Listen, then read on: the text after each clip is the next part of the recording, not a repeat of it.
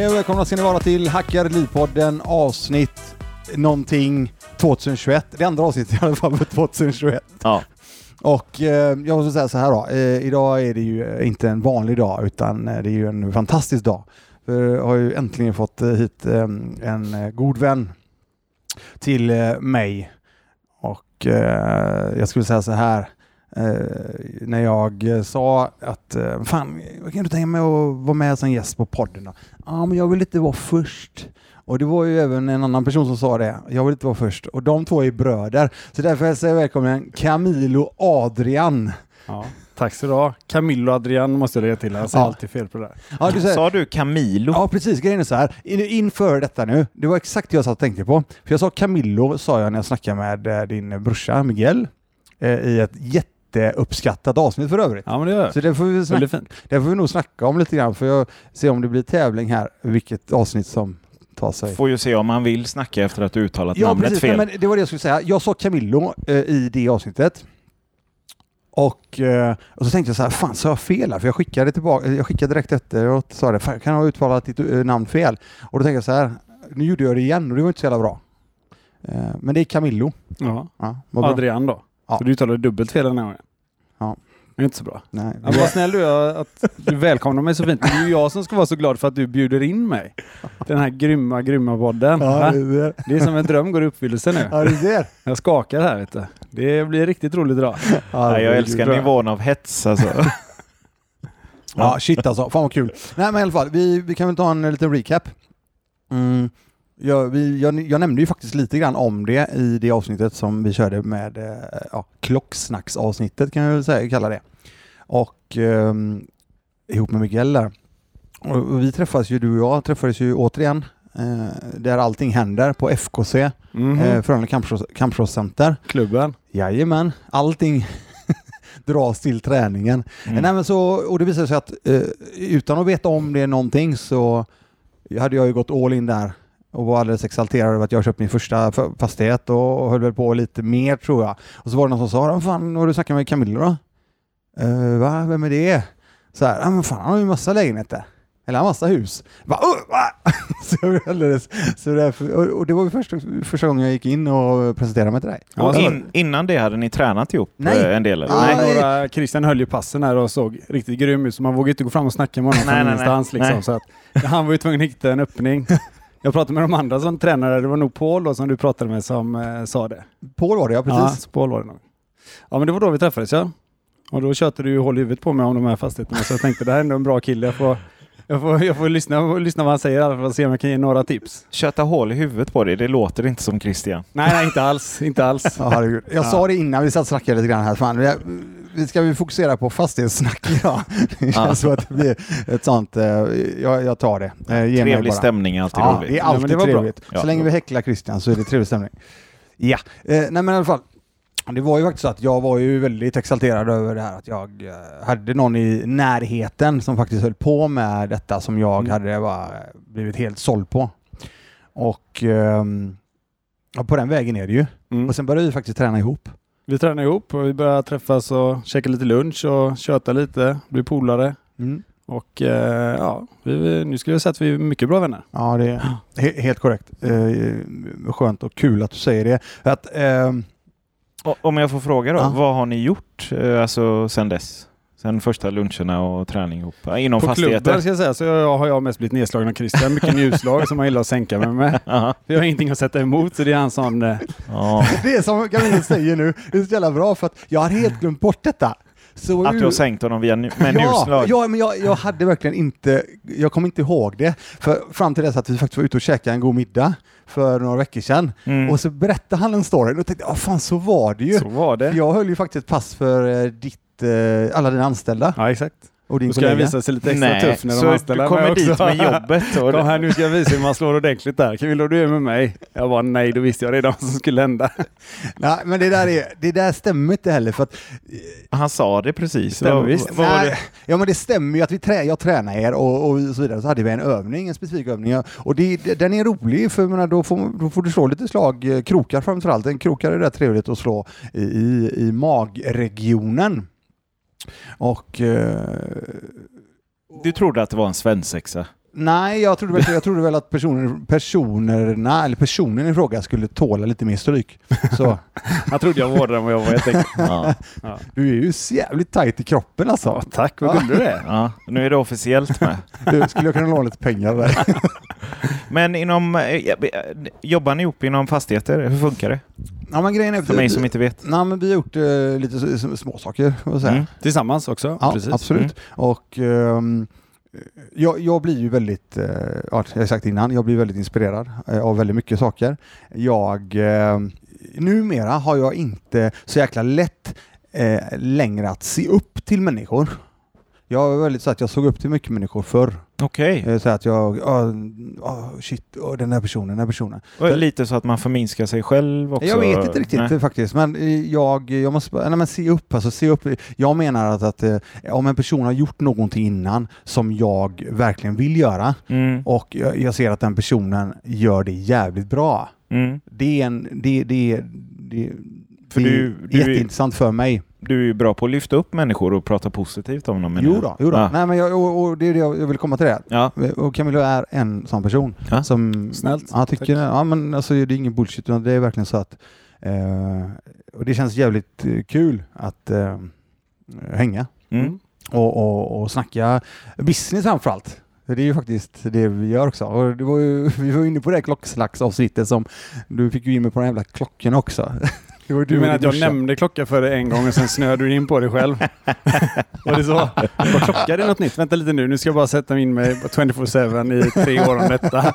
Kunna allt. Jo, Ja. Ja, nej men... jag eh, kanske fick in det på den banan. Ja, lite, Ja. lite, lite. Men Nej, sen rent, vad ska man säga att vi har gjort sedan vi träffades? Alltså vi umgicks ju en del i början och mest snackade om det. Och eh, Christian ville ha, få lite råd kanske om man nu kan eh, säga det så. Eller idéer och tips och så om hans tankar. Vi bollade lite och eh, efter ett tag så gjorde vi lite affärer tillsammans. Små grejer. Köpte några lägenhet och Christian frågade om jag ville vara med och hjälpa till och sådär på olika sätt. Och eh, sen satt ju oss med och gjorde lite hjälp åt oss för bolaget också. Ja. Några veckor bara. när Vi behövde lite hjälp och kolla igenom lite, lite fastighetsrelaterade saker. Och eh, nu egentligen så ja, bollar vi mest dina idéer och mina idéer och försöker hjälpas åt så gott vi kan. Så det är glad att det, någonting har funkat. Ja, någonting har tagits upp. Ja. av allt. Nej, men, ehm, vi kan väl göra så att vi tittar lite grann tillbaka till eh, hur, hur du själv kom in på fastighetsbranschen. Eller Mm. i fastighetsbranschen. Det var rätt, lite kul att, att veta. Ja. För du har gjort en resa, det är en, lite över 11 år snart va? ja, det är nog 12 år här till detta året då, oktober tror jag. Mm. Oktober är 12 år sedan. Vi började ju, eller kan säga jag pluggade ju sent då. Jag började plugga när jag var 26 och slutade då när jag var 29. Eh, alltså på, på högskolan då, uppe i Trollhättan till fastighetsmäklare. Hade ingen egentligen aning vad jag ville göra eh, innan jag valde den linjen utan tänkte mest vad, vilken bransch tjänar pengar nu som man läser i tidningen? Ja men fastighetsmäklare de har ju jäkligt bra att göra. De har ju, får ju massa stålar hela tiden. Ja, just Ja men det kan vara intressant, det kan jag, kan jag bli så.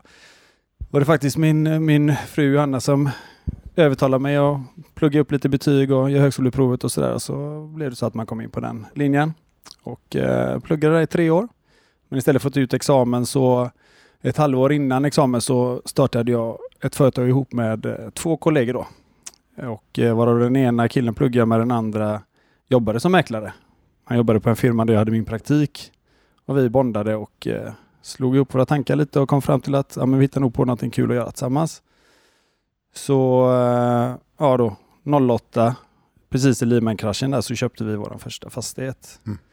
En liten hyresfastighet, tre lägenheter egentligen. Och eh, vi hade 200 000 kronor var. Vi satsade dem och eh, det var där allting började.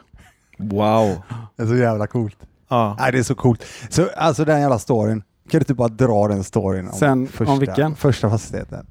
Och när ni sitter på banken. Har du också mardrömshistorier eller? Nej, nej, nej, det är bra. Jag har Ja. några så Ja. många. Det är klart han Många, har. många. Nej, men den Man här har ju ju kört på hårt. Man har ju satsat allt man har haft många gånger om sedan den gången. Tills man fick någon typ av stabilitet eh, i det. Men eh, vad tänker du på det med att, eh, ah, men sista banken som eh, Nej, men nej, jag, finansieringen? jag tänker på att eh, ni satt på en våning på, i banken. Ja, ja, nej, så var det. Jag säger, vi hade ju 200 000 kronor var som vi satsade och vi var ju på den sjätte banken som vi gick till. De trodde på vårat, eh, våran idé. de många trodde väl på det men kanske inte trodde liksom att vi skulle kanske råda igenom allting. Så man ska aldrig ge upp kan jag säga. Det var, hade inte den banken sagt ja så hade jag nog inte suttit här idag. Tror jag Mm. inte. Så att, eh, det var ju bra. Men vi fick i alla fall ett, eh, ett lån på att köpa den här fastigheten med vår egen kontantinsats. Eh, och, men vår idé var ju att ombilda den här till bostadsrätter. Då. Enkelt sagt kan man säga att vi köpte kåken för en viss summa pengar och de här tre lägenheterna, om vi sålde dem styckvis istället så skulle det resultera i att vi fick tillbaka lite mer. Eh, och eh, de frågade oss banken då när vi satt där på det här mötet, ja men eh, hur går det med lägenhetsförsäljningen tror du? Och då ville jag att de skulle säga att nej, ni får lånet. Så jag sa att alla lägenheter var sålda såklart. Vad ska man göra? Det var sjätte banken, det var sista alternativet. Vi hade inte så mycket, vi hade inte så mycket att göra. Du drog en Trump Jag alltså. gjorde det. Ja, ja. Jag Du sa sitter- sanningen i förväg så kan Ja. man säga. Ja. Så, eh, så då fram till tillträdet då, tre månader eh, senare efter att vi skrev på banken, tror du på oss, då hade vi eh, riktigt mycket hets på oss att hitta då tre köpare till de här lägenheterna. Ja. Men vi lyckades med det. Så, att, Såklart. in, så att innan vi egentligen tillträdde fastigheten så sålde vi lägenheterna på pappret. Och samma dag som vi tillträdde fastigheten så, eh, så hade då faktiskt köparna, vi bollade in dem på samma bank som vi hade.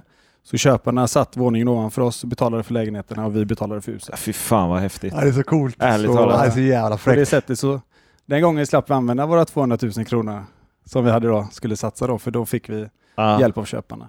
Så att, eh, det var bra. Där kan du snacka om En kreativ finansiering. Ja, men det var det. eller Man var mer kreativ då kan jag säga. Det var det. Man var mer kreativ då och man kunde liksom varenda liten siffra i alla, alla grejer Ja. man gör. Så. Nu, nu var det ju inte så att du sa någonting som du själv inte trodde på. Det Nej, var ju, exakt. Jag nej. trodde du var väldigt övertygad på att det skulle bli så. Ja, ja. Ja. Så det, ja, det, är, det är riktigt häftigt. Och sen, För- så, för- kan jag för- säga, sen efter den dagen då så kanske vi gjorde ja, kanske 25 sådana fastigheter till då ungefär.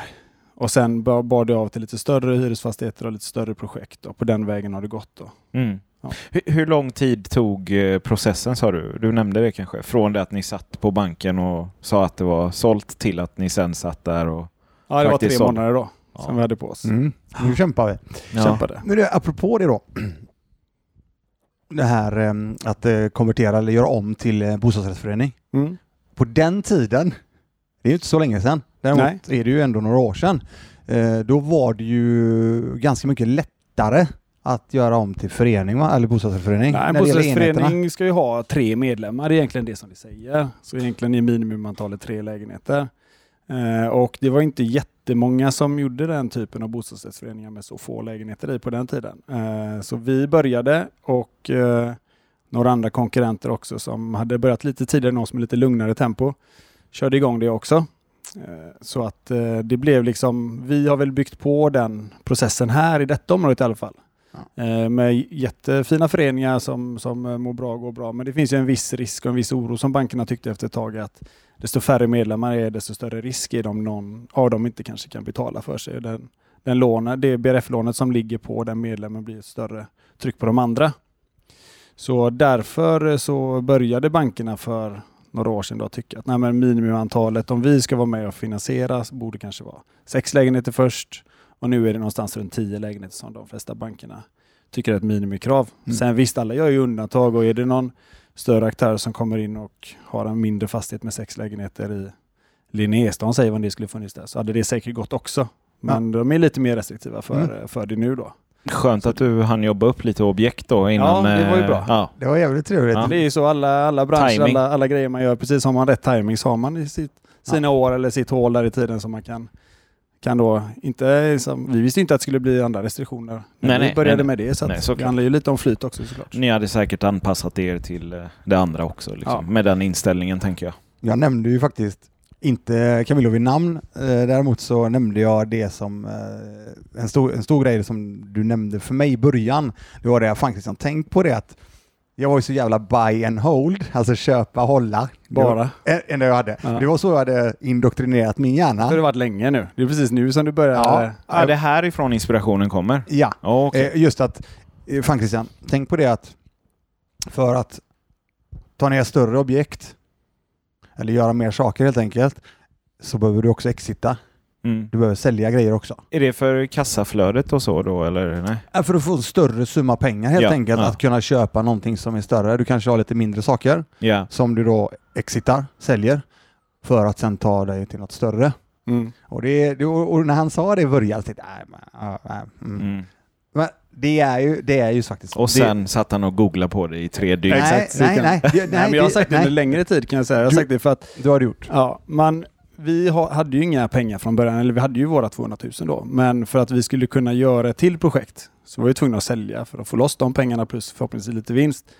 Och om och om och om igen. Så jag är väl lite mer inriktad på att allting har sitt pris lite. Att du ska klart förvalta det du känner för och det du gillar, förvalta det. Men var inte rädd för att göra en exit. Jag är inte rädd för att göra en affär eller projektera någonting där du känner att nej men jag ska göra detta för du ja, vinner en viss summa pengar som du kan satsa och komma vidare snabbare.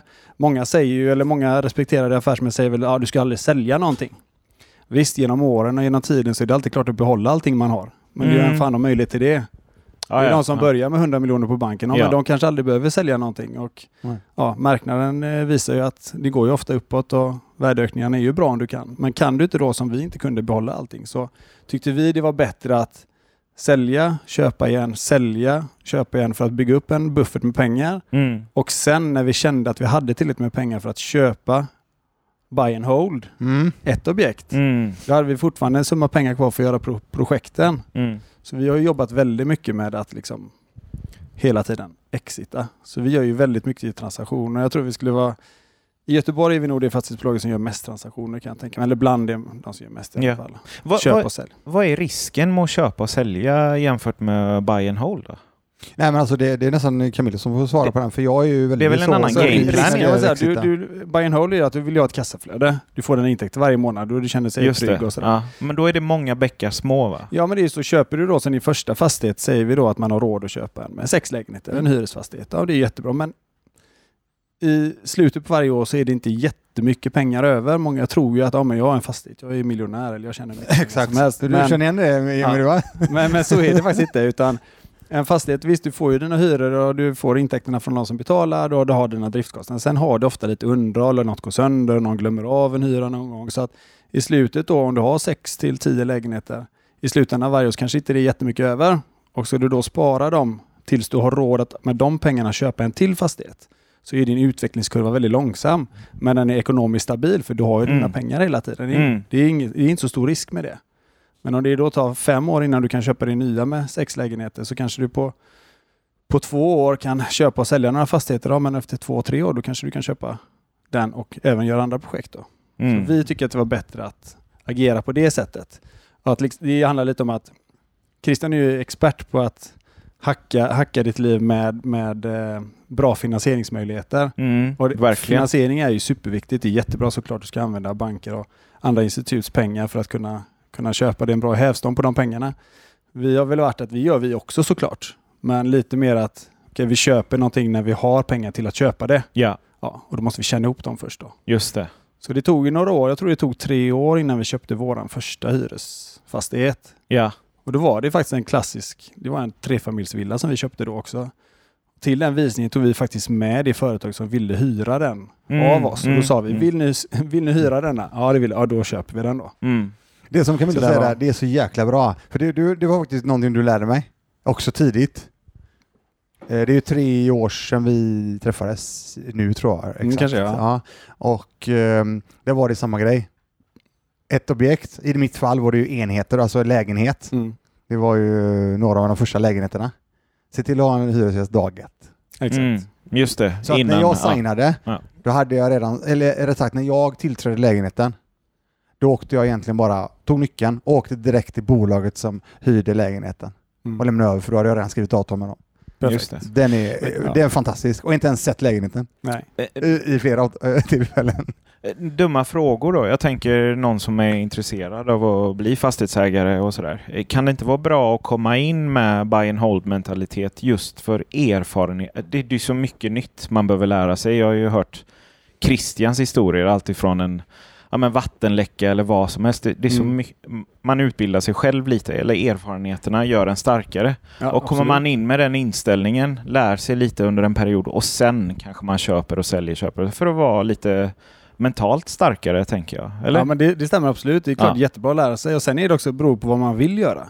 ja. Hacka ditt liv handlar ju mycket om din privata ekonomi. Jag och min kollega har gjort en bostadskarriär fast med i bolagsform istället. Just det, just det. Har du ditt, eh, ditt jobb och, och eh, din fru eller man också ett jobb och dina barn lever hemma och du Ja. vill öka på din ekonomi, ja men köp en fastighet och ta in hyresintäkterna och gör det. Ja, Det är väl jättebra då för att eh, alltså öka upp dina inkomster varje månad och väldigt säkert. ja, Och förhoppningsvis är det ju på något sätt också värdeökande. Om du behåller fastigheten i 5 till 10 år så gör du en vinst även på, på värdeökningen. Men har du, har du mentaliteten eller tanken att jag ska bygga bolag för detta, jag vill börja jobba med detta. ja, Då tror jag i, i början i alla fall, om du inte sitter på en bra påse pengar, att det tar lite lång tid för dig att bolagsmässigt komma dit om du väljer att bara göra det. mm. Men genom åren så är det såklart det är jättebra. Bayern de här första fastigheterna som vi köpte, den först, första har vi inte kvar, men de andra, nummer två och nummer tre äger vi fortfarande. Mm. Så att det är klart att vi säljer inte allt. Nej, nej, nej. Men, eh, Men vi kan bara, får- ursäkta avbrott där med det. Men en snabb fråga angående just det du säger med tid. mm. Kan du ge ett exempel på ungefär vilken skillnad det är i potentiella värdeökning som har varit på den, de här tvåan och trean i eran... Ja, på de husen då. Ja, Nu menar du vad de har gått ja upp i precis. värde? Det hade varit kul att höra bara alltså, för att förstå Ja, men- styrkan. Så i- frågan är, i hur mycket tid. pengar har du? Ja, men så värdeökningsmässigt då kan vi säga i den här fastighet nummer två, fast nummer tre om vi kallar dem det. Ja. Det var trefamiljsvillor, eh, ligger på Hisingen. Mm. Och eh, jag tror vi köpte den för den ena då, som jag kommer ihåg bäst. Jag tror vi köpte den kanske för 2,7 miljoner. Något sånt. Ja. Och det är väl, vi kanske får en eh, 6,5-7 miljoner för den nu då. Ja. Och det är då kanske åtta år sedan då, Ja. Ni, nio år sedan. Mm. Så det, den har ju gått upp rejält, så därför är det, det är väldigt bra att aldrig sälja något. Nej, Men då måste du ha möjligheten till att inte sälja det också såklart. precis. För när vi köpte dem och behöll dem så hade vi fortfarande en viss projektkassa som vi kallar det då. Att det här gör vi projektet med. Nu har vi de här fasta, fasta intäkterna. Vi började ju vårt bolag, vi tog ju inte ut någon lön på två år. Så det Nej, var just först när det. vi köpte de fastigheterna som det tickade in då en visst antal tusen kronor varje månad som jag och min kollega då började ta ut, ta ut Mm. lön då. Eh, Får jag fråga, en, en återkommande fråga till dig genom mig är ofta, och den har du fått höra många gånger också. Ah, nej, men, eh, jag har funderat på att köpa några lägenheter, ska jag göra det privat eller via bolag? Det, det, det känns som att det är en av de vanligaste frågorna. Det är det för min del. Är det så. Ja, Mm. När ni satt på banken där med 200k, eh, be- gick ni in privat först eller var det bolagsform direkt? Eller hur, Ja, det var direkt bolagsform. Vi Det bestämde direkt, oss att ja. vi skulle göra detta i, i bolag helt Just enkelt. det, Så ja. att vi satte in våra prata-pengarna i bolaget. Ja, ja. Men det var våran idé. Tanken var ju att vi ville jobba med någonting med fastigheter och så Just det. hittade vi den här möjligheten och ja, man kan säga knäckte koden på hur vi ansåg vara en bra affärsmöjlighet i alla fall. Mm. Eh, och eh, spann vidare på det via bolag som en privat bostadskarriär fast i, i bolag då. Just det. Ja. Och bolagsvägen direkt. Ja. då. Ja. Men det beror på helt och hållet vad man vill. Så är Absolut. det, absolut. Såklart. Men nu, vi har, vi har pratat en hel del om eh, bolag och eh, bolaget som du... Mm. Vad heter bolaget? Ja, företaget heter Tapajos Fastighets AB. Precis. Ja, Göteborgsbaserat. tänker, Vi får slänga ut det där så att folk Ja. vet. Ja, men det är jag och min kollega Emil som, som driver det och så har vi numera åtta anställda Mm. också utöver det. Vi har lite arkitekter, eh, projektledare, administratörer, ekonomichef, eh, bokföring, fastighetsskötsel och så. Mm. Så vi valde för några år sedan att egentligen försöka få alla nyckelpersoner innan oss Just det. för att förminska ner ledtiderna och effektivisera så mycket. Mm. Då vi gör mycket projekt och när du anlitar eh, ekonomer eller arkitekter och återkopplingen på det är inte alltid det bästa för vi är inte de enda kunderna förstår man ju. Nej, Så nej. att eh, vi är ett litet bolag kan man säga med mycket personal för Mm. att eh, kunna hinna med allting. Mm. Så vi, nu har vi väl kanske en fem, sex projekt på gång samtidigt. 100 lägenheter ungefär i produktion och eh, ett antal, ja, nästa ett och ett halvt år är redan satt egentligen kan man säga projektmässigt. Förlåt, hur länge har, har ni hållit på sa du? 12 år till oktober. Det är ändå... Nej, det är så grymt. Ja. Men eh, jag måste bara säga det när vi ändå snackar om Tapajos då, Mm. bolaget som du precis nämnde. Till alla er där ute som eventuellt har någon tanke på att sen eventuellt ta er in och eventuellt söka något jobb inom fastighetsbranschen. Är det så att Tapajos någon gång söker personer? Det händer inte jätteofta. Nej, Ni är väldigt inte. selektiva med eran, eh, vad det är för människor som jobbar hos Tapajos. Mm. Eh, Men det är ett jättetips att söka. Det är grymma människor. Men vadå, du, sa du att de var selektiva? De selektiva, Vad- när det, det gäller att du ska Vad passa. gjorde du då? Nej, det ska, nej, nej, nej. nej. Det Sen fick vi vara där och vara där några veckor. Jag vill vara en vecka. hur selektiva vi Ja, precis. Jag fick gärna. Tack så mycket, hej.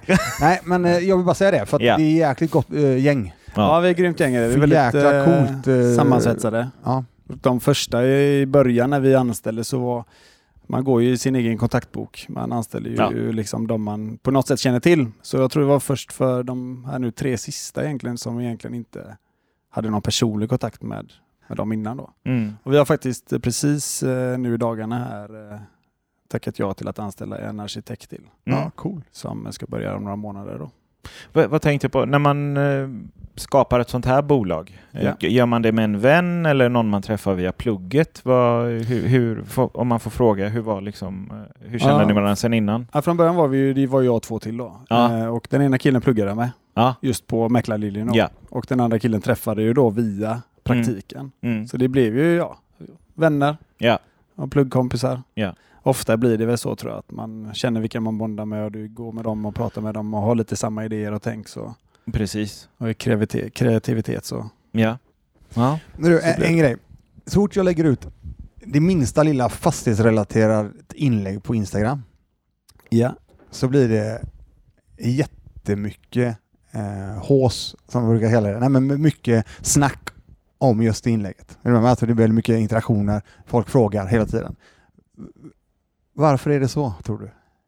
Ja, men till dig just kanske det, för det, ni snackar ju mycket om det såklart. Det är ju det du sysslar med, men generellt tror jag väl att det är väl en bransch eller någonting som många skulle vara intresserade av att, att kanske inte jobba i, men som sin privatekonomi lösa en extra inkomst. Mm. Och det är ju en väldigt, ofta i alla fall, en stabil marknad på ett eller annat sätt. Att du har ofta dina pengar hyfsat säkrade och det ger en bra avkastning på det. Ja. Så, eh, och nu är det väl också i det här läget där nu kanske i den här pandemin med, med, med corona och allting att folk har lite större osäkerhet på sin arbetsplats. Just det. Möjligtvis, men det är ändå de senaste åren har ju mer och mer människor fått mer pengar eller tjänat mer pengar kanske man ska säga. Ja, lönerna Och- ökar Ja, lönerna liksom. ökar och de Mm. kanske gjort någon annan slags bostadskarriär och sålt någon lägenhet och fått pengar över och tycker att ska jag placera dem på börsen som kanske inte jättemånga känner som en trygg plats för att man inte är Nej. lika kunnig som Christian kanske Nej. eh, på det och då känner man att en lägenhet har jag ägt faktiskt och eh, jag skulle väl kunna äga en till som jag bara hyr ut. Det, Mm. det kan jag ju rodda på lillfingret och betala lite elräkningar och fixa en hemförsäkring. Just Så det. jag tror att många är intresserade att, att eh, göra det. Mm. Det är Ja. kanske inte jättemycket möjlighet för alla att göra det. Det finns ju inte så många lägenheter runt omkring som man kan Nej. kanske köpa och hyra ut. Varför tror du att så många surrar om det, Christian? Nej, men grejen är, jag, jag vill ju egentligen bara höra vad Camilla sa där. Vi, vi delar ju ganska mycket av de här tankarna faktiskt, eh, sen Ja. innan också. Så Jag vill det, höra vad du... Nej, alltså det, han säger det så bra. Ja. Han säger det bättre än vad jag säger håller det. med. Jag skulle ungefär Ja. säga samma fast på något annat Ja. kortare sätt tror jag. Ja. Ehm, Var jag långdragen eller? nej. jag tänkte så här, för jag gjorde så här inför detta också, så la Ja. jag ut fråga. Eh, att nu inom kort ska vi ha ett fastighetssnacksavsnitt till exempel. Just det. Och eh, då eh, såg vi till att ta in en del frågor och det sprutade in frågor. Så jag tänkte att eh, vad är det okej att vi kör lite frågor? Ja, Så absolut. kanske vi kan hjälpas åt på något sätt och, Det kan vi göra. med dina och, mina erfarenheter. Tur att det här inte är live så att han eh, måste svara. Nej, men, Vi kan- vi kan- vi kan klippa detta sen. Ja, klipper det. Ja, vi brukar klippa jäkligt lite i Hackelipodden. Egentligen ingenting. Nej. Det är några av mina ö, a, och som försvinner. Ja, Och nu får ni höra på den bara för att höra vad ni har missat annars. jag, tar det, jag tar några stycken och Ja, så kör. ser vi var vi landar. Mm. Eh, Är det några frågor till mig? Nej, okej. Nej, inte ja. till dig idag. En grej som blir, det blir lite så här. Det här kan man ju säga lite vad man vill om, men hur skaffar man startkapital? När jag, när jag ser den direkt då, när jag läser den, tänker jag bara Ja du, jag tror de att jobba lite, tänkte jag initialt. Men jag tänkte att det är ändå en bra fråga. Ja. Det är faktiskt en rätt bra fråga. Ja, men det är det. det, är det för fastighets, eller köpa lägenhet eller fastighet är ju väldigt kapitalkrävande. Den trånga sektorn hos oss är ju alltid pengar. Mm. Annars kan man expandera jättemycket såklart om man har en kassa som aldrig tar slut. Så det är ju svårt för en eh, privatperson att eh, spara ihop pengar. Det tar ju lång tid för att spara på sin egen lön. Så, men hur man får startkapital, ja, jag skulle vilja säga som du, jobba, spara, eh, se om du kan göra någon annan affär. Det finns ju andra affärer som kan vara intressanta som kräver mindre pengar men man ändå kan tjäna procentuellt sett en bra avkastning. Aktier om man kan det. Jag skulle inte rekommendera folk som inte kan någonting om börsen att gå in där men Nej, det då går det ofta fel. Men eh, man har testat själv. Så jag vet. Men eh, ja, det tror jag. Alltså affärer där man är, be- om man har någon annan grej som man är bekant med och kan göra affärer på. Så jag har inte alltid jobbat med fastighet. Jag har alltid varit intresserad av affärer. Jag har köpt och sålt eh, motorcyklar eller bilar och jobbat på fabrik och försökt att tjäna och spara pengar. Så att Mm. de traditionella sätten är väl bra att försöka få upp sitt startkapital. på. Ja. Skulle tipset där ändå vara samma som de som kliver in i börsen? Att eh, gå inte in med pengar som du fort av någon anledning skulle behöva ha tillbaks. Och täppa igen ett annat hål med menar jag. Här tänker du på... Det kan ligga i en fastighet ett ja, tag. Ja, innan, eh, absolut. ja.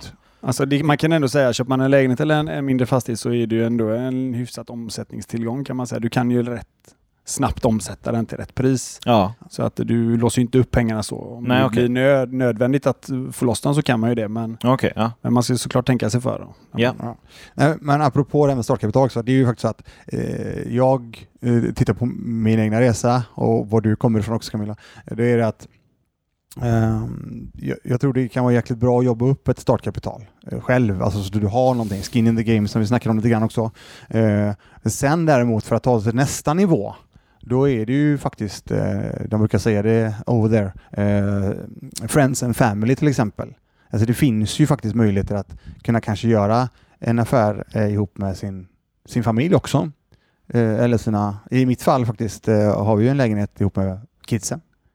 Vi har köpt ut tillsammans. Alltså, det finns lite olika eh, lösningar där. Ja men det gör det. Så och att- de, här, kan jag säga, de här 200 000 som jag hade när jag startade företaget, det var ju 100 000 var mina och 100 000 lånade jag av min pappa och min bror. Så det Mm. är klart att man kan eh, få hjälp Mm. Ja. såklart. Har man Ja. en bra idé och man tror på det så kan man ju inte, ska man ju inte vara rädd att fråga.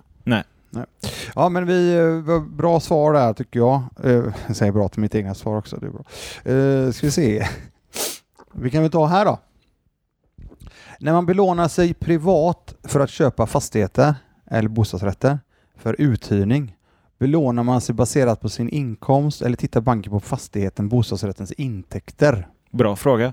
Ja, det här är ju privat eh, finansieringen vi talar om nu då. Ja just det. Och vill du börja? Ja men det kan jag. Jag, jag, jag har inte hundraprocentigt svar på det tror jag inte för många kan ju se olika på det beroende på hur bra relation du har med din bankman eller bankkvinna såklart. Men eh, för det mesta skulle jag säga att om du köper en, en bostadsrätt eller en mindre hyresfastighet privat så kommer banken räkna med att din privatekonomi ska täcka kostnaderna för denna. De kommer med största sannolikhet inte räkna med att du får en hyra inbetalt. För de kommer säga att ja, den hyran behöver inte alltid komma in.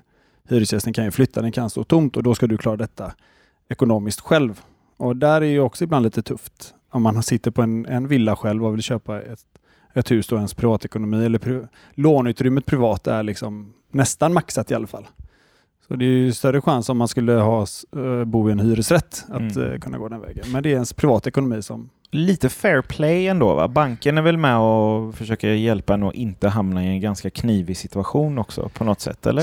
Så är det, men jag tror att många tänker och tycker nog att ja, men hur stor chans är Ja, det att min lägenhet Ja. skulle stå outhyrd? Den Ja. är ju i Göteborg i alla fall är ju Okej. nästintill minimal. Ja. Eh, på Om vi snackar- landsbygden om vi en, Men... ja, om vi snackar en lägenhet, absolut. Ja, Och, och även också då hyreskåkar i eh, stor eh, Göteborg och så vidare. ja Eh, Mm. grans, kranskommuner ja, och ja, liknande. det är med. Ja. Eh, Bra där. Jag, jag har en, en liten grej på den då, ytterligare. Och det var ju så att jag, första fastigheten jag och Malin köpte, den var ju på sju lägenheter.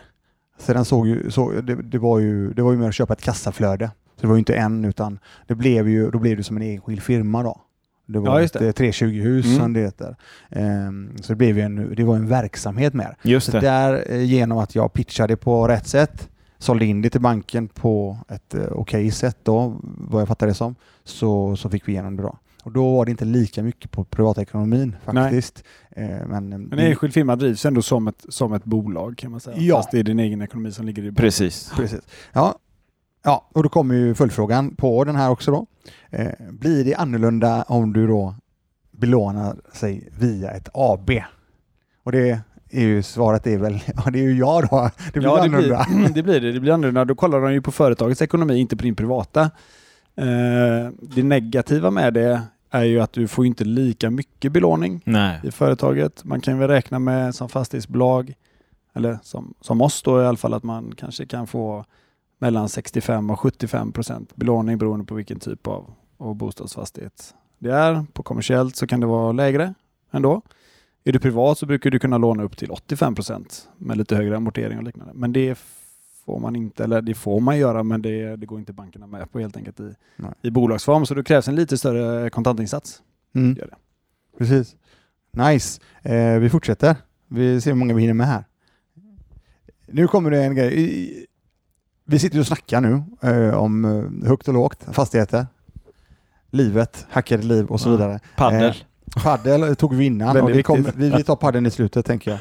Eh, nej men eh, ja, det är så att det är jävligt viktigt att veta, vi, vi lä- lämnar ju inte rekommendationer här. Nej, men det har vi aldrig gjort. Nej, vi pratar om och så vidare. Ja. Men däremot så får vi då, jag får ju väldigt mycket frågor och här kommer en fråga. Vad hade du satsat på att göra om du, om du startar med 500 000, 500k i, eh, du har 500k och du vill investera det i fastigheter. Säg att man får låna upp till 3 miljoner. Och sen slänger personen in, tack för en fantastisk podd. Tack för det. Ja. Ska jag svara på det? Nej men alltså du har ju säkert någon, i, gjort? du har ju någon idé. Ja, låt ja, säga, ja, låt säga att där du sitter nu, du sitter idag och känner så här, men fan jag är lite sugen. Vad gör du då? Och Hade jag pengarna. 500 000 då, och jag får låna tre då. Så jag har haft Ja. 3,5 miljoner att röra mig med. Mm. Och så bor jag där jag bor i Göteborg. Då hade jag nog tittat på att köpa en bostadsrätt med möjlighet att hyra ut. Noga kolla stadgarna och vad som tillåter den föreningen och liknande. Eh, istället för att lägga de 3,5 kanske för att köpa en fastighet med fler lägenheter på en lite mer avlägsen plats. I både, är det den första du ska köpa så är det ju större vakansrisk där borta. Eller där Förlåt, borta. vad sa du att det är? Större, Större? vakansrisk, alltså risk att det står tomt, ja, outhyrt. vacancy, ja. Eh, och det är jobbigare förvaltning.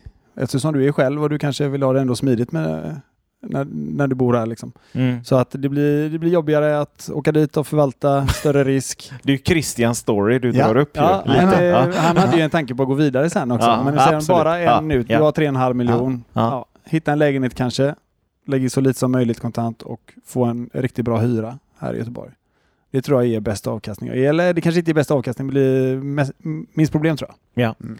Sen kan man ju ta steget därifrån vad man vill göra, om man vill gå vidare eller nöja sig med det. Absolut. Mm. Och jag, eh, nej, jag he- helt klart med. Håller du med? Ja, du har det- ju haft några fastigheter som varit lite på Ja. utanför Göteborg. Absolut, som och det har, jag ju. Jag har ju en hel del eh, där nu också. mm. Eh, sen har jag ju då, likadant som i Tapajos, har flera olika ben att stå på, så har jag ju också då börjat bygga upp de olika benen som jag kallar det.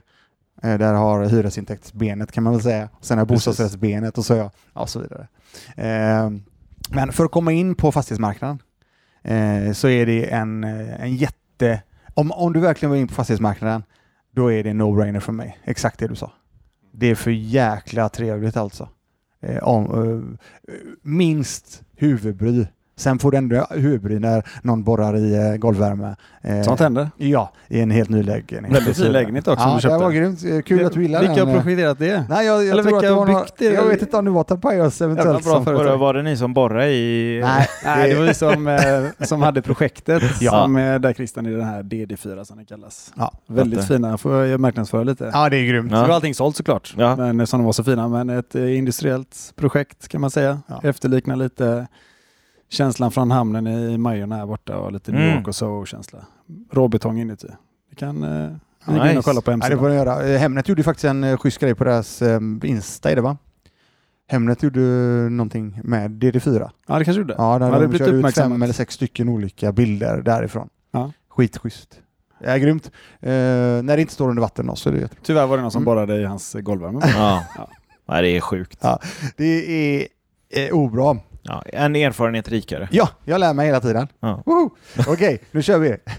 Eh, Det här är lite, den här är lite, mm, det är mycket i, i samma, vi kör på. Jag får dela upp den. Hur, det här är en fråga som jag får jättemycket, så jag, jag kommer säga mer, ja, snack, ja, jag säger så här. Hur funkar det med skatter och så vidare i eh, bolag, eller sagt? eh, De finns. Ja, de finns. Och då säger jag, varje gång jag får den så brukar jag säga, eh, ta det med en redovisningskonsult som jobbar med fastigheter initialt. Det är en bra Ja. idé. Ja, vad tror du om en sån, räcker det att vi säger det eller? Ja, Utan svar, att- jo, man kan väl jag är inte mer specifikt än det. Så alltså, skatter är ju som, alltså det är ett bolag, det är bolagsskatt precis som de flesta företagen i Sverige har. Sen så finns det ju alltid olika varianter på det. Man säljer ju, ibland säljer man en fastighet, alltså själva byggnaden och, och marken och ibland säljer man ett bolag där den här fastigheten och marken ligger i. Och säljer man aktier så är det till exempel eh, betalar man inte skatt på vinsten för det. givetvis när man plockar ut pengar eller liknande, men just försäljningen är, är eh, inte lagd med skatt. Då. Nej. Så att det finns ju lite olika varianter, men normalt sett i stora hela så är det ju traditionell bolagsskatt som, som Mm. man får betala. Ja. Mm. Vad gött han snackar. Ja. Härligt. Eh, sen kommer det i samma eh, fråga också eh, en fråga om besittningsrätten. När ett eh, bolag äger bostadsrätten helt enkelt. Och det kan man ju, det finns ganska bra tycker jag. Det finns... Du menar att du hyr, du hyr ut en bostadsrätt eller att Ja, bolag... precis. Ja. Och det, det finns ju, då får jag säga så här, det finns eh, väldigt bra på en eh, motparten, eller rätt sagt, ja, motparten får man väl kalla det, eh, Hyresgästföreningen till fastighetsägarna. Ja, precis. Det kan man väl säga. Mm. Eh, där på Hyresgästföreningens hemsida så finns det faktiskt en eh, väldigt bra, eh, väldigt bra dokument om just det med besittningsrätten. Mm. Hur man då avtalar bort den eller rätt sagt vad som behövs för att, och så vidare. Ja, det är bra. Jag ska nog inte uttala mig så mycket om det, men eh, Nej. det är ju... eh, Det finns ju både för och nackdelar med det beroende på vilken stol man sitter på såklart. Ja. Sen är det, ju- kan det ju vara så att du kanske kör att, ja men för att verkligen eh, vara noga med det så kanske du ska köra e- ett års kontrakt då. Ja, precis. Det kan man göra att det förnyas eller att man byter hyresgäst eh, Ja. lite mer regelbundet. Precis. Men äh, återigen, eh, Hyresgästföreningens hemsida, där vet jag att det finns ett eh, bra dokument för det. Så det Mm. promotar jag här då. Eh, ja, och sen kommer ju nästa fråga. Eh, Hur fungerar det med vilken hyra man kan ta när man äger ehm, en bostadsrätt via ett bolag? Mm. Eh, eller rätt sagt, eh, det, det, det, det handlar om hur, när du hyr ut bostadsrätt overall ska jag säga. Ja, det blir det. Eh, oavsett privat eller i bolag.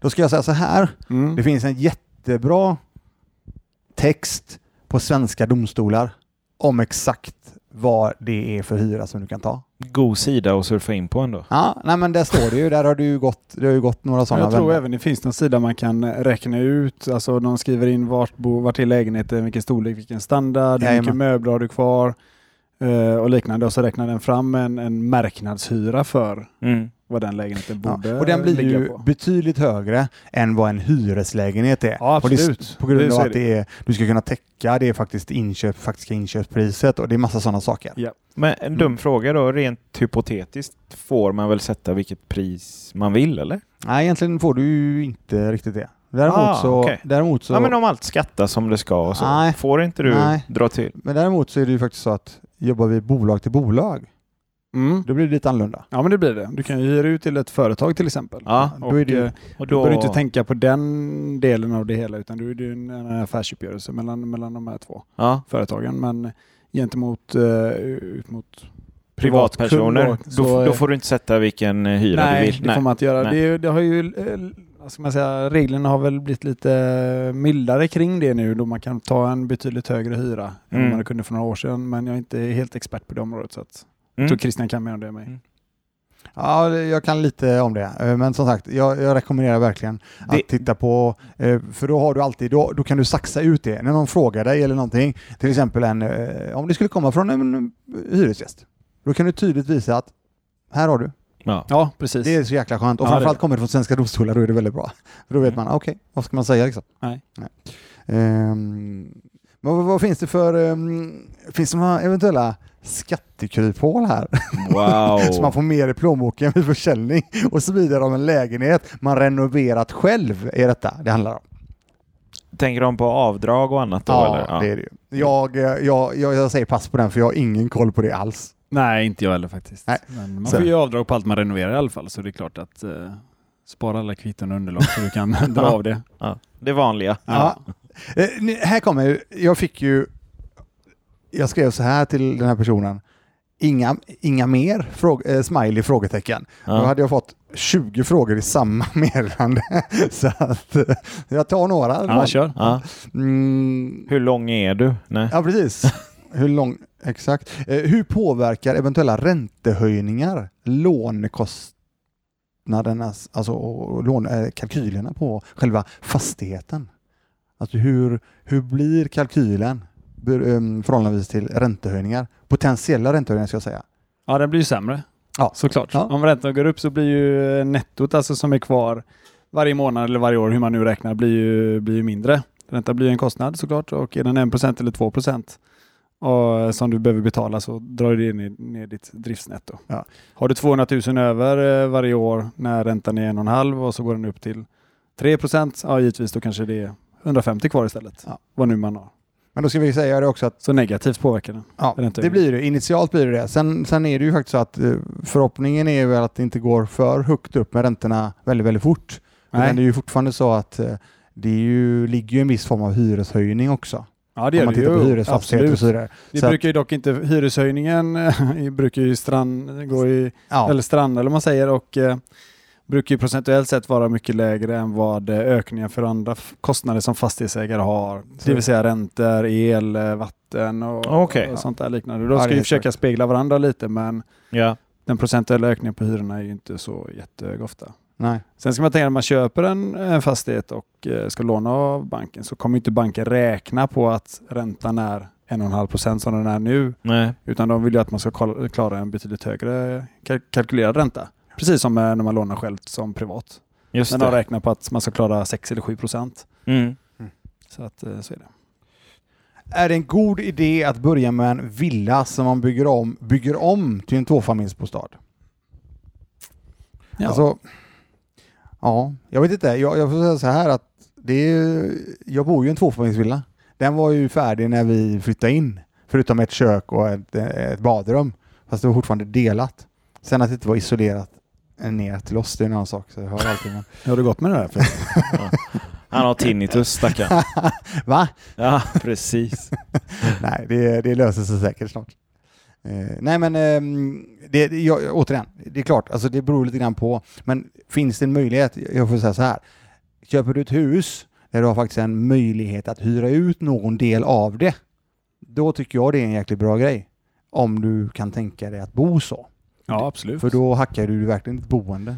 Eller man hittar en fastighet eller en lägenhet eller vad nu är man kollar på som du kan utveckla på något sätt. Alltså vi, det är ju väldigt sällan vi köper en, en fastighet som är helt färdigutvecklad. Mm. Men ska du köpa en, en, en villa som du betalar som att det är en enfamiljsvilla fast möjligheterna finns att göra om den till två lägenheter. Mm. Och då kommer du öka värdet när du gör det. Och du kommer även öka dina intäkter såklart för att hyra ut två istället för två bostäder istället för en. Mm. Så att det är alltid bra att leta efter de här eh, möjligheterna i, i objektet du kollar på. Det kan ju vara en, en stor etta som du köper där du ser att här kan man ju faktiskt bygga om den här till en tvåa. Mm. Ja, efter omkostnaderna med ombinationen så kanske du ändå ökat värdet med 100 000 eller 200 000 beroende på var lägenheten ligger såklart. Mm. Men det är många som köper lägenheter runt om i, stan här och just bara letar efter möjligheten att göra en tvåa till en trea, en etta till en tvåa. Ja. För då har du då får du ett annat pris. Mm. Att- Jag har ju sagt det innan, men mina föräldrar gjorde ju det med sitt hus. Hus Mm, då. det. De byggde om hela nedervåningen, vilket tog tid. Alltså, det är ju mycket som behöver klaffa innan man får eh, se det som en egen så att säga, lägenhet. Ja. Men för att hyra ut, det har ju gått hur bra som helst. Förutom att det tog tid. Ja, det tog Ja, tid. Det hade ja. lite otur där med eh, de goda arbetarna också. Ja. eh, Tyvärr. Men det är ju så, det finns bra och det finns dåliga. Ja. I alla branscher. Ja, Ja. Om man ska gå på nitar överallt. så Men, är men, men det du sa där sig. om eh, vad jag kallar value add då, alltså hur du kan eh, utveckla fastigheten. Mm. Det är jättebra att du sa det, för jag får väldigt mycket frågor om just det också. Mm. Hur man bör tänka och så vidare. Ehm, här har vi till exempel då, jo, vi talade om det förut och jag har varit inne lite grann på det också. Jag får väldigt mycket frågor om just detta. Ehm, Personen i fråga skulle vilja ha en lathund till vad man ska eh, planera inför sitt första möte med Ja. banken vid köp via bolag, med köp via bolag. Och det, det nej, det blir Ja. ingen lathund. Ehm, Jag vill ha en milkshake, Ja. jordgubbssmak tack. Är det någon Nej, som men- löser det eller? Nej, men jag, jag fattar ju vad personen i fråga är Ja. in, in, intresserad av här. Eh, Det är ju eh, inte... Jag ska gå tillbaka till det som du eh, gjorde, Emil. Eh, eran första. Du var ju väldigt, väldigt sä- själv, alltså, självsäker. Du, Mm. Det var inte direkt så, när du sa de grejerna så, så darrade du förmodligen inte på rösten. Nej, Utan du var ju väldigt sådär att det här är, du, i din hjärna var det redan klart. exakt. Ja, och eh, jag tycker den inställningen är jäkligt, jäkligt bra. Så Ja. länge du har ett bra case såklart. Alltså, Kan man ha den inställningen, eller om man har den, då behöver man vara väldigt påläst också. så är det. Så att du kan få en följdfråga på det och då ska du inte sitta och Nej. Nej. inte veta vad du ska säga såklart. Och sen ska ju caset vara schysst med. Det ska ju vara bra. Du ska ju ändå ha gjort dina kalkyler. Du ska ha gjort alltså, du får ju tänka till där. Eh, sen är det ju också så att det handlar ju väldigt mycket om, som jag har sagt tidigare, likadant som vi sitter där vi tre, relationer, eller hur? Ja, alltså, det handlar ju om att bygga relationer och eh, bygga upp ett eh, form av förtroende för personer. Jag menar, det är inte så att vi inte hänger du och jag Camilla för att vi inte riktigt eh, ja, gillar varandra heller, utan vi har ju ändå, på, på ett eller annat sätt har vi byggt upp förtroende för varandra. Samma med dig Mehdi. Alltså, Jag älskar dig. ja, jag Ja. älskar dig. Ja, fina ni är. Ja, men- Bromance är det. Ja, nej, men det är bromance. Det, det är ofta bromance här och det gillar vi. Ehm, nej men visst är det så. Ja men så är det. Jag kan Alltså- säga, det gäller, inte bara fastigheter utan det kan ju vara svårt att, alltså banken är ju ofta en svår bit för många att ta för att man måste ju verkligen övertala någon och inte affärsidén solklar som kanske inte många är utan det är ju någonting som håller på att byggas upp och som man kämpar för och vill nå fram. Så det gäller det att vara väldigt förberedd. Det gäller ju alla branscher. Det är inte, ska du starta en, en eh, klädbutik så behöver du ha en viss, kanske en bankkredit eh, från, från banken liksom, eller en checkkredit. Och eh, de måste ju tro på din idé lika väl som att de ska tro att du ska köpa en lägenhet och hyra ut att det funkar. Ja men det är väl samma som om, om jag nu exempel, men jag känner för att öppna upp en Rolex-butik här i Göteborg. Då Det är en ju- bra idé. Ja, vänta lite nu. Är det det du ska göra? Nej, nej, Jo, men då fan. måste jag ju vara påläst, eller hur? Ja, det skulle jag rekommendera. Ja. Om jag heter Helvete. banken också. Ja. Sen är det bra att kunna lite också. Där planterades eh, det ett jävla det var ett internt skämt här Ja, faktiskt. ja. Ska jag säga. Nej men det är väl lite Eh. som Shark Tank, alltså när man har sneglat på det programmet någon gång. Det kommer folk med bra idéer och vissa av dem saknar ju självförtroende när de presenterar det för investerarna. Mm. investerarna och då får de gå därifrån tomhänta liksom. Mm. Och apropå det så ska jag säga det, jag kollade på det senaste avsnittet nu, igår, Ja. och du vet, det är aldrig det är, och, och tillbaka till det med banken. Det är aldrig bra att fulgråta inför investerare. Så Va? kan jag säga. Nej, för fan Nej, det var bedrövligt. Ja. Eh, det fick jag spola fram. Men, men så säger det också, man ska ju alltid göra ett försök. Är man Ja, nervös, tycker det är absolut. jobbigt, eh, man vet inte vad man ska säga, försök att förbereda så mycket, men gör det ändå. För gör du inte Mm. så får du aldrig svaret. Nej. Det finns väldigt många bra affärsidéer och väldigt många bra affärsmän och kvinnor som aldrig kommer till skott kanske. Mm. För att de inte kommer hela vägen. För att de inte vågar. Eller, liksom, eller det kanske gäller att jag ska satsa de här, mina 50 000 kronor nu på marknadsföring. Kommer jag få tillbaka dem eller inte? Mm. Det vet man ju aldrig, en Mm. osäkerhet. Och tyvärr är det nog många idéer, både i min bransch och andra branscher, som, som fallerar där. Mm. Så man Jag, ska såklart ta tag i det. jag skulle vilja sammanfatta det med att man ska till och med försöka fem gånger och sjätte gången så säger man att eh, Ja. "Ja, jag har redan sålt lägenheterna. Ja, ja, nej, Ja. Det, det, det var ju så, fast det var verkligen sista, det var sista banken vi, vi kunde gå till.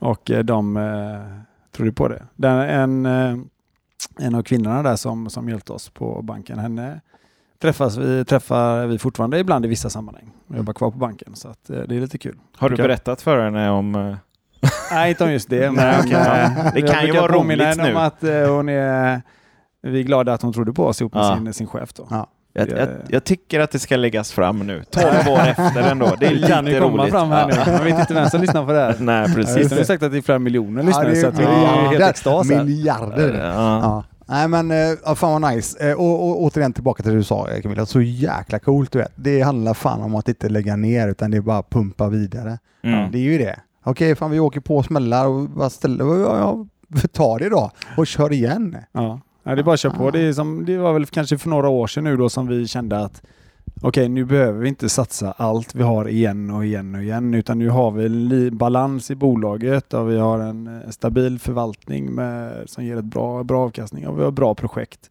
Okej, nu, nu, nu behöver vi inte köra cowboy hela tiden. Men de första åren var det ju cowboy, det var ju järnet. Mm. Det måste man göra om man ska komma fram. Eller man måste inte göra det, men det brukar hjälpa om man satsar och kör på ordentligt. Mm. Det är bara att kolla på Christian, han är ett praktexempel. Mm. Han har snöat in på någonting och eh, löser sin ekonomiska frihet bara på några år istället för på 15 år, eller vad var det? Ja, 16 var Det är hatten av, det är Och grymt jobbat. Snart kommer Rolex-butiken. Ja. Det, om inte i butik så kommer den på armen i alla fall. Hur många ska Ja. jag ha liksom? Det är frågan. Ja. Kolla dig själv i spegeln och ställ den Ja, men frågan. jag- Så sena- många du vill, Nej, senaste Christian. var Hamilton och Ja, den är inte Så många på- du vill. En Hamilton Kaki King, för de som undrar där ute, så handlar det inte om eh, kostnaden, utan det handlar om mer känslan. Den kostar en 4 000 kronor ungefär. Det handlar om känslan. Hur känns kostnaden då? Nej men den, den är alltså... Ja, det, Det ja, känns rimligt tycker jag. den är rimlig. Så ja, många det är du en bra vill. ingångsklocka. Ja. En Field Watch, okej. Ehm, ja, eh, vi, vi, vi, vi ska ju faktiskt börja avrunda här, men en grej som vi snackade om innan, som är jävligt viktigt nu också, det är ju så här att eh, Camilla, du är ju... ehm, det du företar dig när det gäller din rörelse träning Ah. gör du jävligt bra. Tycker du det? Ja, du blir, nej, men du blir duktig på det som du, eh, som du börjar och eller kör, kör igång med. Ja. Eh, Tackar. Vi får ju säga till de som inte ser då, eftersom de inte är i rummet, det är en väldigt stadig man framför oss, om Ja. inte annat. Han, är, han ser välmående ut. Ja. Nej, det är fel sagt för då blir det, då tänker jag på magen, men det var inget bra. Lite tunn är jag nu Ja, efter du- allt, nej, men du har gått all- ner- allt paddelspel och Ja. mindre gym eh, som man inte vågar gå till. Ja, han gymmar inte så mycket, nej. Precis. Tunn är han ju inte, det är ju inte riktigt rättvist. Men Nej. eh, Nej men i alla fall, och, och, och jag är lite, där är jag faktiskt, måste jag säga, där blir jag lite imponerad. På grund av att du, du har ju inte, som vi, det var ju via kampsporten som vi lärde känna varandra. njurslaget ja. ja. Ja, och det var bra att du sa det igen Inte bara faktiskt, för jag glömmer av det varje gång. Eh, nej, och det är ju så här att du kommer ju inte alls från den världen egentligen. Nej. Du kommer ju från motorvärlden. Precis, motorsport är mitt större, största intresse kan man säga inom idrotten. Köra fort. Köra fort ja. Ja. ja jag har kört eh, mycket motorcykel i mina yngre dagar. Körde, tävlade i något som kallas för superbike. När man var från 20 till 25-26 där. Mm. Och sen nu har jag mer övergått till, eh, utöver, jag gillar ju fortfarande motorcykelsport såklart och kollar och följer det slaviskt. Men eh, sen har man ju familj och barn och är lite mer försiktig och slår sig mer om man vurpar nu så att nu är det mer fyra hjul istället. Men fortfarande på bana. Då har jag en fråga. Vad är det snabbaste du har åkt oavsett fordon? Och säg inte flygplan och sånt nu, utan som du har styrt själv. Ja, det, det, det vet jag faktiskt. Det, det, det kommer jag ihåg. 321, eh, Ja, det är helt galet. Gud. det kanske inte är så vettigt men det var Men du, jävligt du det? roligt. Var Ja. det på en hoj? Eller var det på en bil? Det var en, en bil. Det var en bil. Men hoj då? Hojens mätare stannar ju på 300 de flesta. Ah, okej. så att, eh, men eh, det, har- Ja. det har ju gått fort också. Du är inte feg helt enkelt? Nej. Eh, Inte på allt. Nej. Vissa grejer känner jag att jag tycker det är roligt att testa gränserna lite. Ja. Alltså, eh, ja, på balansbollen var du inte lika fräck. Nej, nej det var hände? ju inte. Vad Den är hände jävligt där? jobbig alltså. Vad Man hände? rullar ju av, det är en boll. Man ska inte sitta på den. Har du ju- film på det här? Eller Nej, det har jag du- inte. nej, okej, Men det var fan. kul i alla fall. Eh, så vi ska ju ta upp detta nu igen eh, och börja röra oss, röra oss tillsammans lite mer. Ja, det ska jag. Eh, då ska jag säga så här, och då blev jag ju då, mm, som sagt, jag blev lite imponerad att du faktiskt satte de här grejerna och du, helt plötsligt så sparkar du jävligt hårt och väldigt, väldigt bra. Fastän du är så jävla ovig. Jo, men jag är inte vig. Jag är ju Smidig! rörlig. Ja, och rörlig, precis. Och det är det vi har snackat om tidigare. Camillo är en av de mest rörliga oviga personerna. Jag har en person till som Va? en, en kompis till mig som är en av dem också, han är också väldigt rörlig för att vara så jäkla ovig. Är det som att säga du är en av de längsta korta personerna jag har träffat? Nej, det är nej. inte. Okej, ja. nej, det, nej, inte ens i närheten. Nej. Jag, jag, men jag har nämnt detta tidigare. Alltså, du kan vara jäkligt rörlig utan att vara vig. Ja. Du kan sparka någon i huvudet utan att behöva gå ner i spagat eller split. Ja, Okej, Alltså- då är jag med. Sen ska du inte sparka någon i huvudet bara för det. Eh, njurslag går bra. Nej men i alla fall. Eh, över till eh, fortsätta banan här nu. Nu blev jag också då eh, lite halvpaff när du drog igång med eh, det här eh, nya, jag har hört talas om eh, paddel. Ja, just det. Ja. Mm. Då tänkte jag att, för det är ju faktiskt så att vi får ju, måste få in här paddeln. Jag, jag tycker ju paddeln är fantastiskt kul. Jag har testat det nio gånger. Eh, jag hade någon eh, idé Nio, just. Nio gånger, vi har Ja. räknat dem. Och jag tänkte att det blir ju några stycken till, men det blir det inte. För eh, Camilla han hittade en annan partner, så han kör stenhårt nu och tävlar ju i padel. Ja, ja. Okej. Det vet jag inte.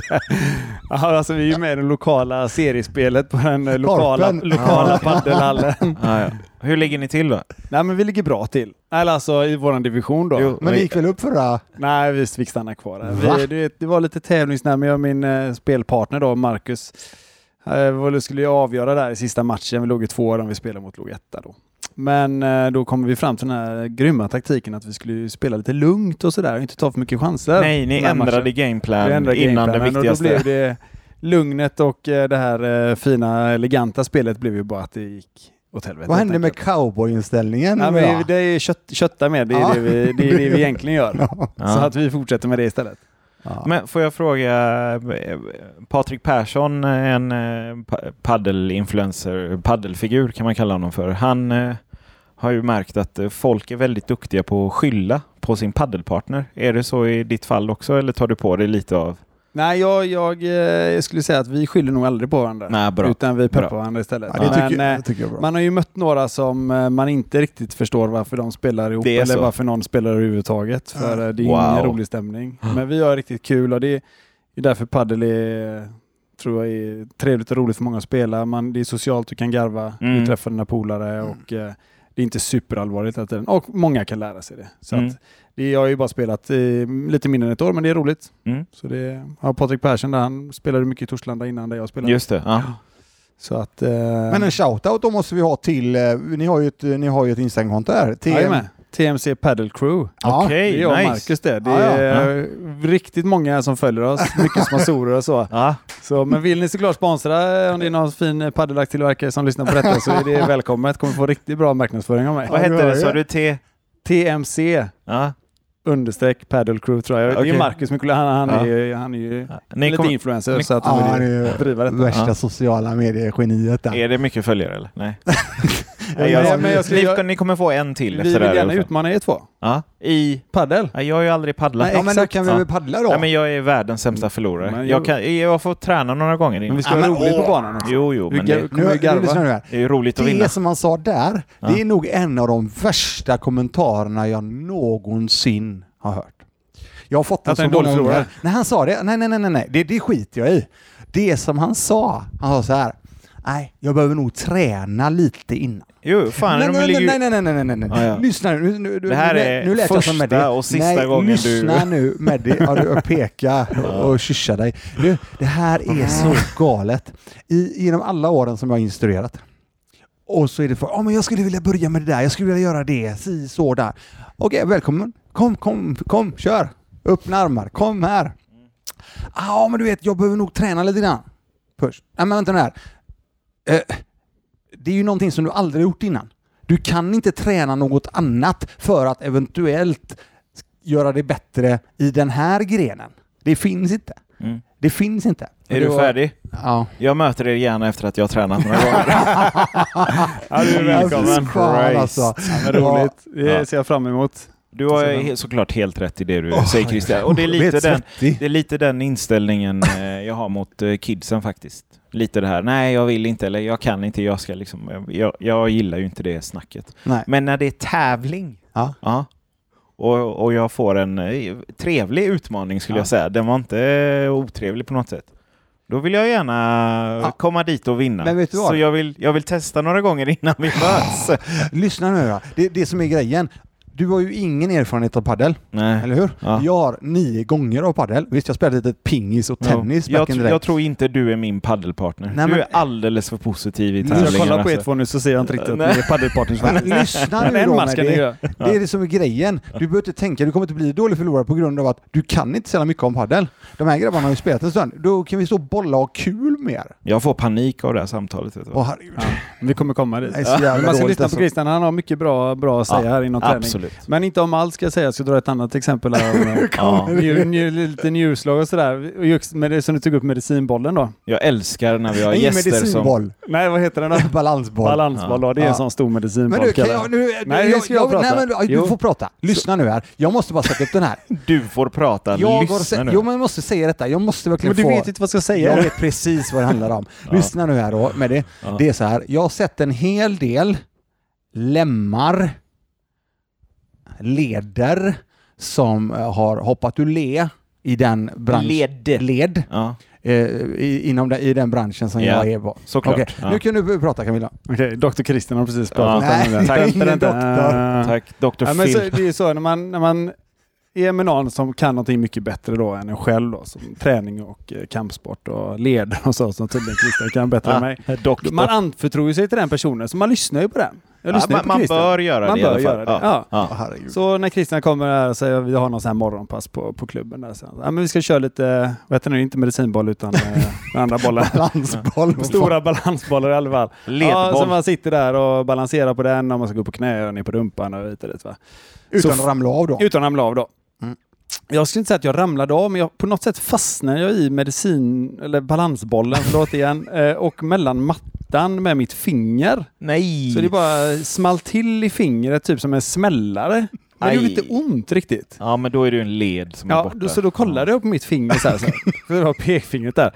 Så då, de första längst, två centimeter längst fram, det bara hängde ner som en sån här Äh, lite... fan. Så det såg ut som det liksom bara fattades, fattades Ja. någonting där inne. Christian bara kollar på mig. Äh, vad är det med dig? Sätt upp på bollarna. Men jag bara, Christian kollar mitt finger. Ah, inga problem. Ge mig fingret. Det, det har gått ur led bara. Jag ska dra i ordning det. Mulle Så jag, vad gör jag? Jag lyssnar ju Usch, på han. Herr doktor här. Ja. Han, han som man anförtror sig är till som är doktor. riktigt grym på träning. Nej. Så han står och sliter i mitt finger där. Några två gånger. eller tre gånger. Ja, ja. Hårt. Det händer ingenting. Det hänger Nej. fortfarande lika mycket. Ja. Ja. men då går jag till doktorn. Då är det ju senorna som har gått av i, i fingret hela tiden. Som förmodligen inte hade gått av när du ramlade. Nej, men så- alltså, så- Sen, Ja, de sen- var bara lite dåliga. Sen drog han tre, ja, en sena kanske lossnade. Sen drog han tre gånger till, så alla tre. Ja, ni, Ja. som, är, ni som sitter där ute och lyssnar på detta nu, eh, vilket är en jävla massa. Så jag fick gå runt med sån plast... Dropp, du hade eh, droppfinger. Ja, exakt. Droppfinger. ja. exakt. man Så, kan inte eh, vara bäst på allt Christian. Nej.